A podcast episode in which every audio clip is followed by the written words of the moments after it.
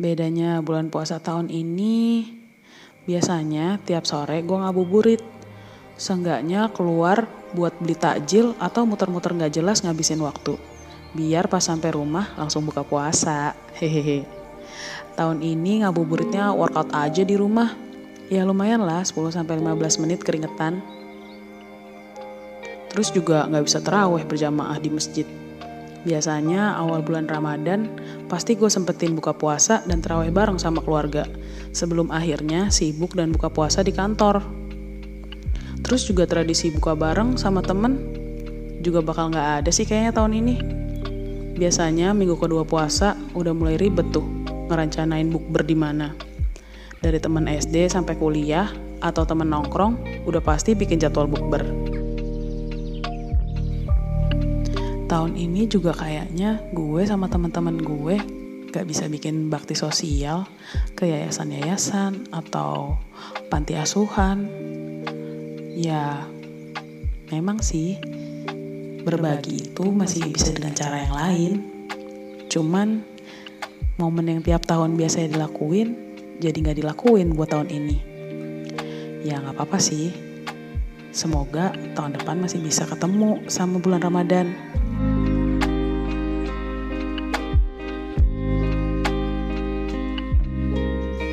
Puasa di tengah corona tuh agak gimana ya? Biasa kita ngerasain yang namanya uh, bukber bareng temen entah anak temen SMA temen main di rumah gitu kan buka di luar gitu rame-rame atau sama temen kuliah. Ya cuman sekarang beneran sepi sih. Ya kayak gue ngeliat temen gue yang lain tuh udah ada yang namanya bukber online tapi gue belum ngerasain sih. Cuman ya esensinya bukber itu kan ya rame-rame ketemu fisik gitu. Kalau cuman di handphone gue bilang sama aja sih sepi-sepi juga gue di rumah juga gitu. Jadi gue rasa emang cukup berat sih bulan puasa tahun ini tuh. Ya biasanya ada pendapatan kan emang gue freelance gitu. Cuman biasanya ada kayak event gue di IO kan. Cuman udah hampir lima bulan belakang ini gue di jadi tour leader. Jadi tour untuk anak-anak sekolah ya namanya tour kan udah terjadwal dan nggak bisa dipospon gitu. Ya otomatis semuanya cancel. Ya gitu sih seandainya nggak tour mungkin ada event gitu gue ikut di O temen gue. Nah itu yang nggak ada semua tuh dipospon yang namanya event. Ya nggak berasa aja sih Ramadannya puasa di tengah corona ada bedanya nggak sih? Ya jelas ada bedanya. Pertama sih gak bisa beribadah ke masjid yang biasanya kita itu selalu sholat isya dan sholat tarawih itu di masjid berjamaah sekarang nggak bisa terus nggak bisa juga bukber bukber terus ya kayak gitu-gitu deh. Gak bisa keluar beli baju lebaran.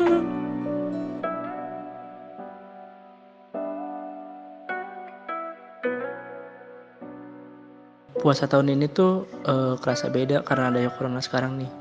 Uh, eh, gue jadi nggak bisa kayak nongkrong bareng teman terus buka puasa bareng teman terus kayak ngumpul-ngumpul bareng lagi. Karena ada corona ini jadi kita tuh harus physical distancing dan emang harus selalu di rumah. Kayak misalnya di kantor juga gue diliburin karena adanya corona ini. Dan biasanya kantor gue itu setiap tahun tuh selalu ada acara buka bersama. Dan biasanya pada ngundang ustadz gitu. Nah tapi karena ada corona ini semua acara di cancel karena virus yang ada ini. Tapi positifnya dari corona ini sih bikin gue lebih dekat sama keluarga. Karena setiap hari gue kumpul bareng keluarga dan buka puasa dan sahur itu gue selalu bareng keluarga.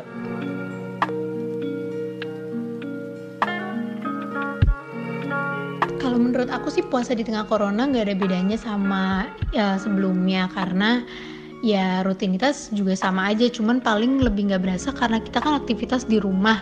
Jadi lebih nggak capek terus kayak lebih nggak ngeliat di luar tuh orang makan atau minum. Mungkin lebih terjaga sih kalau misalkan di rumah juga untuk dari tenaganya.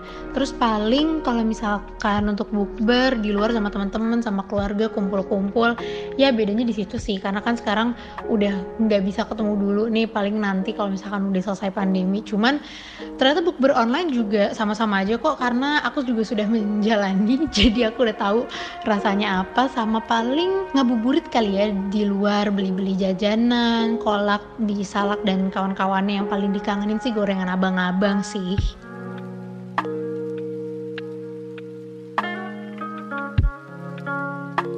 Yang gue kangenin di Ramadan tahun ini gue kangen banget sholat berjamaah di masjid. Mau sholat subuh mau sholat taraweh. Wah itu sih rasanya syadu banget terus yang kedua gue kangen banget buka puasa bareng teman-teman di kantor. Sambil nunggu azan maghrib depan TV giran beduk langsung nyerbu takjil. Yang ketiga aduh gue kangen banget es timun suri. Nggak tahu kenapa ya di mana-mana sekarang nggak ada loh yang jual timun suri. Hah, semoga ini cepat berakhir ya semuanya.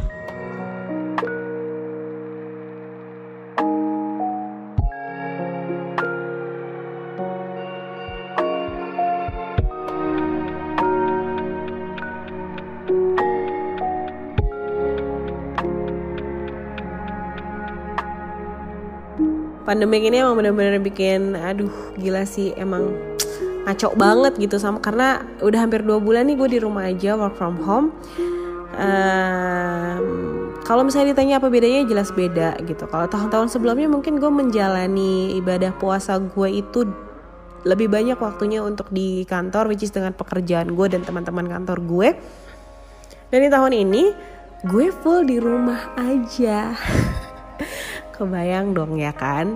Berarti uh, kalau misalnya tahun lalu mungkin banyak lebih banyak godaannya um, lebih banyak hal-hal yang bisa membuat uh, gue untuk puasanya cuma di rumah aja gitu.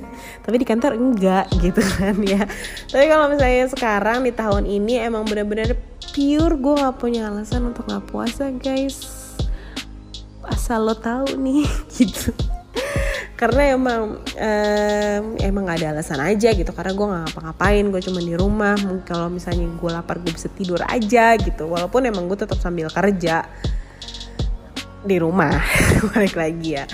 Terus um, kalau misalnya tahun-tahun tahun-tahun sebelumnya juga biasanya di bulan Ramadan itu menjadi ajang untuk silaturahmi sama teman-teman lama yang udah lama gak ketemu. Gitu kita buka puasa bareng. Tapi tahun ini uh, tidak ada bukber. Jadi bukbernya virtual aja nih cuma tanya-tanya kabar by grup atau by personal chat aja atau by phone. Hmm, itu sedih, sih, sedih sih. Nah, terus uh, perbedaannya lagi adalah mungkin nanti akan terasa di saat Lebaran kali ya, karena yang biasanya Lebaran juga itu menjadi ajang untuk kita sungkeman sama yang lebih tua atau kita acara kumpul keluarga gitu uh, ini nggak ada gitu. Bahkan gue tahun ini aja sudah memutuskan untuk tidak akan membeli kue lebaran. Karena ya buat apa? Nggak ada tamu juga guys gitu. Paling nantinya uh, paling gue hanya membeli makanan-makanan yang emang gue dan keluarga gue di rumah suka aja. Jadi udah pasti aja kita kita aja yang makan gitu kan. Dan gue juga memutuskan untuk tidak membeli baju lebaran jadi kalaupun gue harus uh, keluar which is kalau misalnya gue ke rumah mertua gue ya kita pakai baju lebaran yang ada aja. Tidak baju baru tidak baju baru alhamdulillah gitu guys ya. Uh, paling itu aja sih perbedaannya. Ya uh, sekarang sih kita harus gue sih pribadi hanya bisa berdoa untuk semuanya segera berlalu semuanya bers selesai gitu ya biar kita bisa kembali menjalani hidup dengan normal seperti sebelum uh, adanya pandemik ini gitu.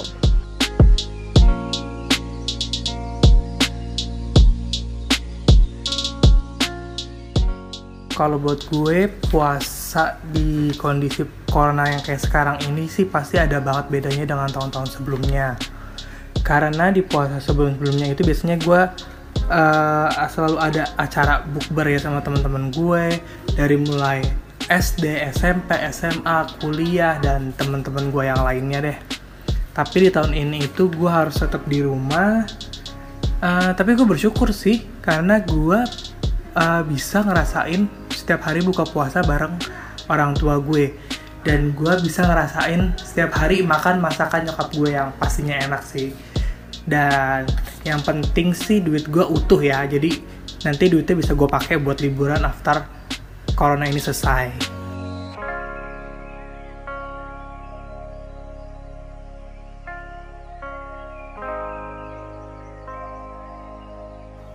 Apa sih bedanya menjalankan ibadah puasa di tengah pandemi corona? Banyak banget bedanya, Mek. Banyak banget, terutama di bidang pekerjaan. Kita tetap bekerja di rumah aja dengan segala keterbatasan, dokumen di kantor, kita di rumah, koordinasi satu dengan yang lainnya, loncat dari Zoom satu dengan Zoom yang lainnya sampai sore, dan gak jarang gue baru bisa megang bener-bener yang essentials itu malam setelah sholat taraweh. Sholat tarawih juga, biasanya kita di masjid tapi kita harus menahan diri untuk sholat di rumah. Dan bahkan mungkin nanti sholat id juga di rumah. Dan nggak bisa pulang kampung juga. itu dia. Itu dia, banyak planning yang tertunda, tercancel, bahkan tiket juga harus terrefund. Dan ini juga salah satu aspek yang berubah.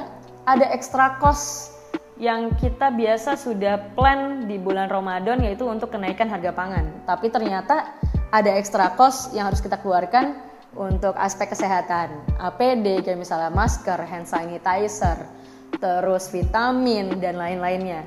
Dan secara generous kayak gue juga bukan cuma mikirin diri sendiri tapi untuk keluarga membengkaklah yang namanya extra cost itu.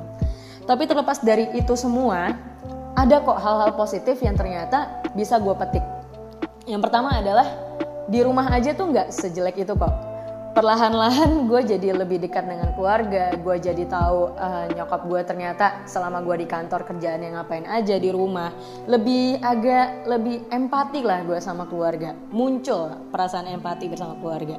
Udah gitu ibadah juga ternyata di rumah jadi nggak ketunda-tunda. Kayak misalnya ada azan langsung bisa yuk sholat dulu yuk gitu nggak kayak di kantor dengan segala kehektikannya kadang kita lagi meeting atau kita lagi tanggung ditungguin sama pimpinan kita ngerjain duluan. Tapi kalau di rumah setiap ada gue denger azan langsung yuk sholat dulu yuk gitu. Gila keren ya gue. Abis itu ada quality time yang gue rasakan ada extra quality time. Biasanya weekend itu kalau misalnya nggak nggak ada corona atau nggak ada pandemi ya lo tau sendiri gue yang dinas tapi sekarang karena ada pandemi dan corona pandemi corona gue jadi di rumah aja dan punya extra quality time untuk diri gue sendiri untuk membaca buku tiba-tiba gue jadi koki juga gara-gara nontonin TikTok dan bisa yang paling penting melengkapi ibadah puasa gue dengan menonton kajian online. Wede, keren banget ya. Banyak kajian online yang gratis dari pagi sampai malam dari ustadz-ustadz ternama dan apa ya, topiknya itu sangat relevan dengan kehidupan. Keren. Terus selain itu, gue merasa pada saat bulan puasa ini silaturahmi gue makin kenceng karena yang biasanya silaturahmi datang ke rumah sekarang dibatasi cuma bisa video call. Dan ternyata dengan video call itu ada beberapa saudara yang tidak terjangkau jadi terjangkau. Jadi banyak coverage saudara-saudara yang bisa gue tanyain apa kabarnya, sehat-sehat aja atau enggak, itu jadi lebih banyak dibandingkan tahun lalu. Karena tahun lalu biasanya gue datang-datengin kan. Nah kalau sekarang tuh kayak punya ekstra waktu untuk ngecekin mana nih yang bisa gue hubungin lagi. Jadi silaturahmi gue jadi lebih lebih banyak gitu ke saudara-saudara lainnya. Terus secara tidak gue sadari empati gue itu semakin meningkat. Jadi banyak teman-teman yang ngajak, gue juga banyak ngajak teman-teman, yuk kita kumpulin dana, kita kita cari pahala yuk, kita bagiin sembako, kita kasih buka puasa dan segala macamnya. Dan itu bener-bener tumbuh dari hati gue sendiri. Kalau misalnya tahun lalu diajak ajakin kalau tahun ini bener-bener yuk. Nah dari kita inisiatif atau empati yang tumbuh. Wah gila. Itu sih um, ada plus minusnya tapi gue rasa banyak plusnya. Dan gue tetap bersyukur di tengah pandemi ini karena gue merasa ini seperti tumak ninanya dalam sholat. Tumak nina atau berhenti sejenak untuk merefleksikan diri sendiri untuk berkaca. Dan endingnya gue rasa semua masyarakat Indonesia semua human being kalau misalnya berhasil dalam merefleksikan diri gue rasa kita akan menjadi pribadi yang lebih baik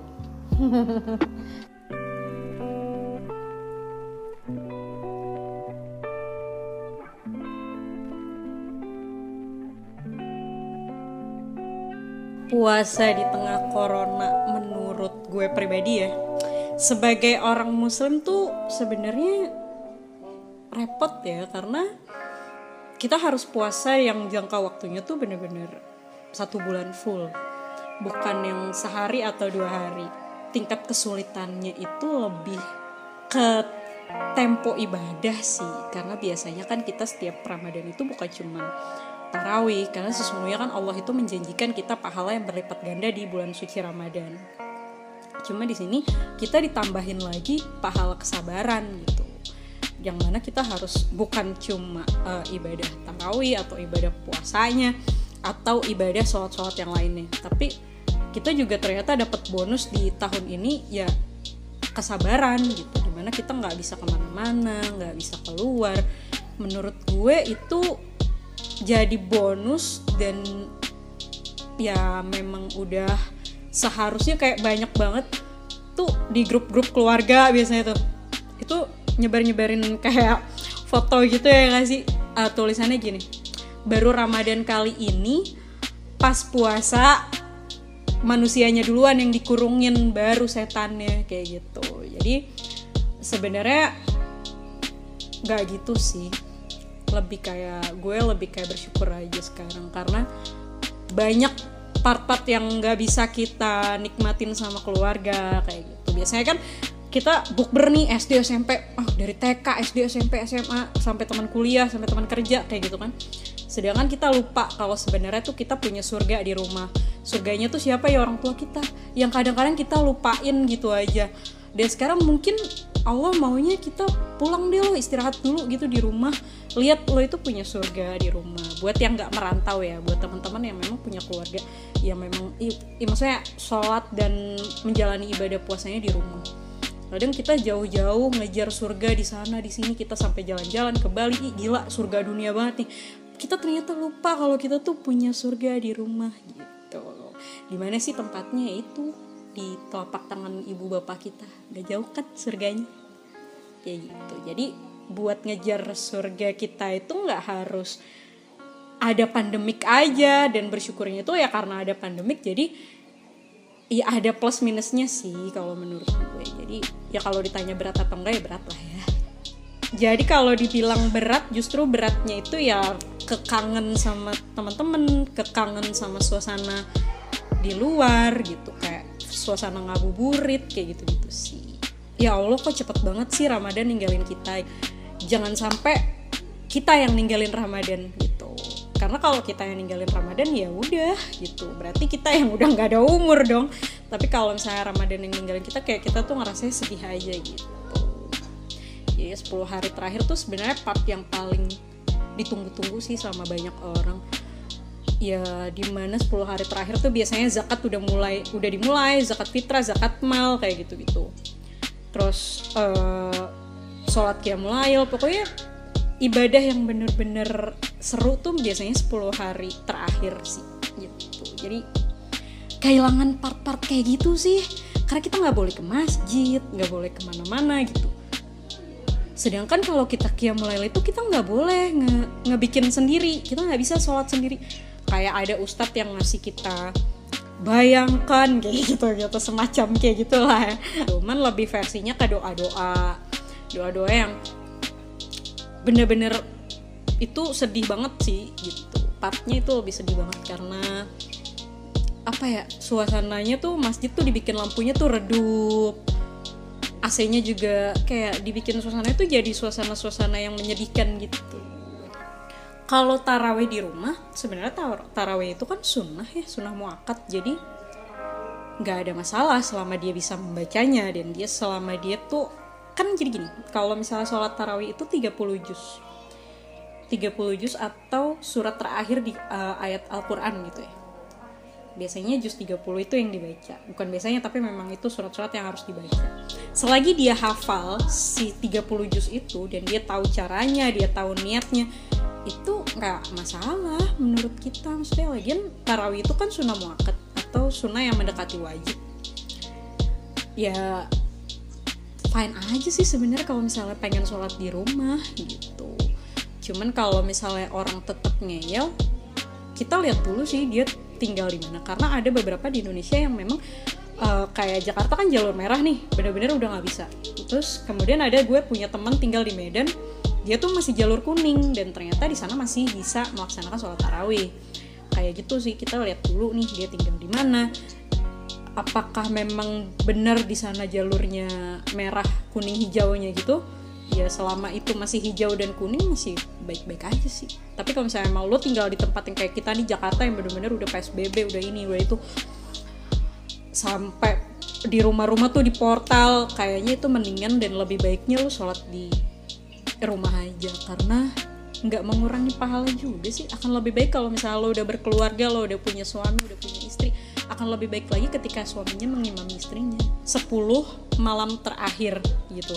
Jadi mulai dari mungkin sekitar tanggal 15-an Ramadan sampai terakhir itu makanya gue bilang yang tadi kita biasanya tuh ngadain yang namanya sholat malam sholat malam itu biasanya sebelum subuh. Dari jadi dari jam 2 itu Qiyamul dimulai dari jam 2 pagi atau sepertiga malam sampai sebelum sahur gitu. Jadi kita tuh berboyong-boyong datang ke masjid di sepertiga malam kita mau sabah, kita mohon ampun, kita berdoa, kita minta apa yang mau kita minta. Terus kemudian baru kita pulang ke rumah, kita uh, sahur, terus kita sholat subuh, sholat fajar dan terusnya kayak gitu. Malam Lailatul Qadar itu ya lo minta apa aja gitu sama Allah bebas. Lo mau minta jodoh, lo mau minta rezeki yang banyak. Rezeki kan bukan cuma duit ya, kesehatan, waktu, dan apa pun itu pokoknya rezeki itu bener-bener ya lo minta apa aja gitu. Lo mau minta jodoh kayak asalkan menurut gue pribadi gue sebagai umat muslim itu gue nggak mau yang orang selalu berdoa mintanya dunia mulu gitu. Dan gue tuh sadar selama ini selama gue sholat tuh gue selalu minta mintanya tuh dunia mulu. Contohnya kayak dunia mulu tuh kayak gue minta harta lah minta uh, punya kerjaan yang banyak lah minta apalah inilah duit lah segala macam. Kayak gitu kadang gue lupa. Seharusnya tuh di mana mana orang tuh harus balance antara dunia dan akhirat. Jadi menurut gue kayak ketika gue minta duit yang banyak sama Allah gue selalu berdoa ya Allah kasih saya rezeki yang banyak agar saya bisa dapat beribadah di jalanmu. Kayak balance aja gitu loh. Jadi gue punya duit banyak tapi gue juga buat ibadah. Jadi bulan Ramadan tuh bener-bener banyak banget cerita yang mana di awal Ramadan itu sekitar tanggal 11 atau tanggal 12 gue lupa 11 atau 12 Ramadan itu Rasulullah kehilangan istrinya kayak gitu. Jadi banyak part-part yang paling-paling bisa kita istrinya Rasulullah meninggal. Istrinya yang meninggal itu namanya istrinya eh, Khadijah Al-Kubro Kubro itu artinya besar, maha besar, yang maha besar. Kenapa Rasulullah manggilnya Khadijah Al-Kubro? Karena bagi Rasulullah, Khadijah itu segala-galanya. Dia itu harta kekayaan Khadijah itu sepertiganya kota Mekah, tapi habis du, uh, semua hartanya untuk di jalan Allah kayak gitu. Jadi dia tuh rela ngorbanin semua hartanya demi Rasulullah untuk ke jalan Allah kayak gitu. Tapi ketika Khadijah meninggal, Padahal dia orang terkaya ketika dia meninggal ada 80 tambalan di bajunya saking dia miskinnya kayak gitu. Jadi dia tuh benar-benar perempuan paling keren sih buat kita semua. Memang selama bulan Ramadan ini memang selalu maksudnya bukan selalu sih.